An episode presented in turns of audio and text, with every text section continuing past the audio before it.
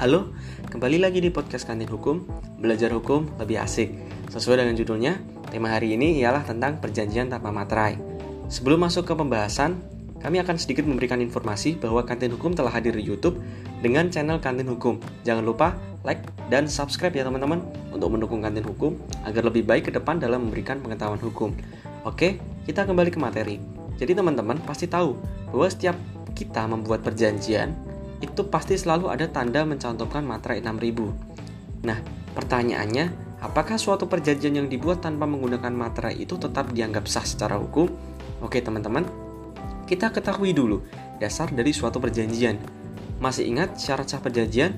Syarat sah perjanjian diatur di dalam pasal 1320 KUH Perdata, yaitu yang pertama, sepakat mereka yang mengikatkan dirinya Kedua, kecakapan untuk membuat suatu perikatan. Ketiga, suatu hal tertentu. Dan keempat, suatu sebab yang halal. Nah, di dalam syarat sah perjanjian tidak disebutkan tentang penggunaan materai dalam membuat suatu perjanjian. Jadi pertama, berdasarkan ketentuan pasal 1320 tersebut, jelas bahwa syarat sahnya suatu perjanjian tidak didasarkan dengan penggunaan materai.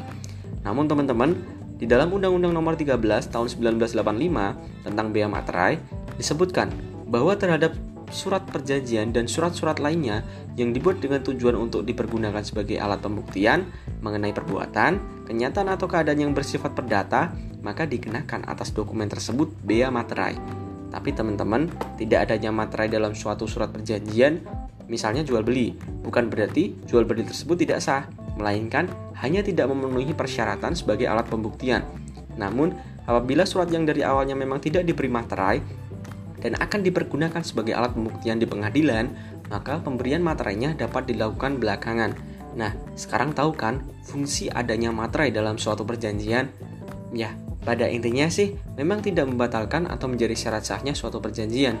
Jadi, walaupun kita tanda tangan tanpa materai pun, hal tersebut tetap dianggap sah kok teman-teman. Oke, itu dulu ya materi kita hari ini.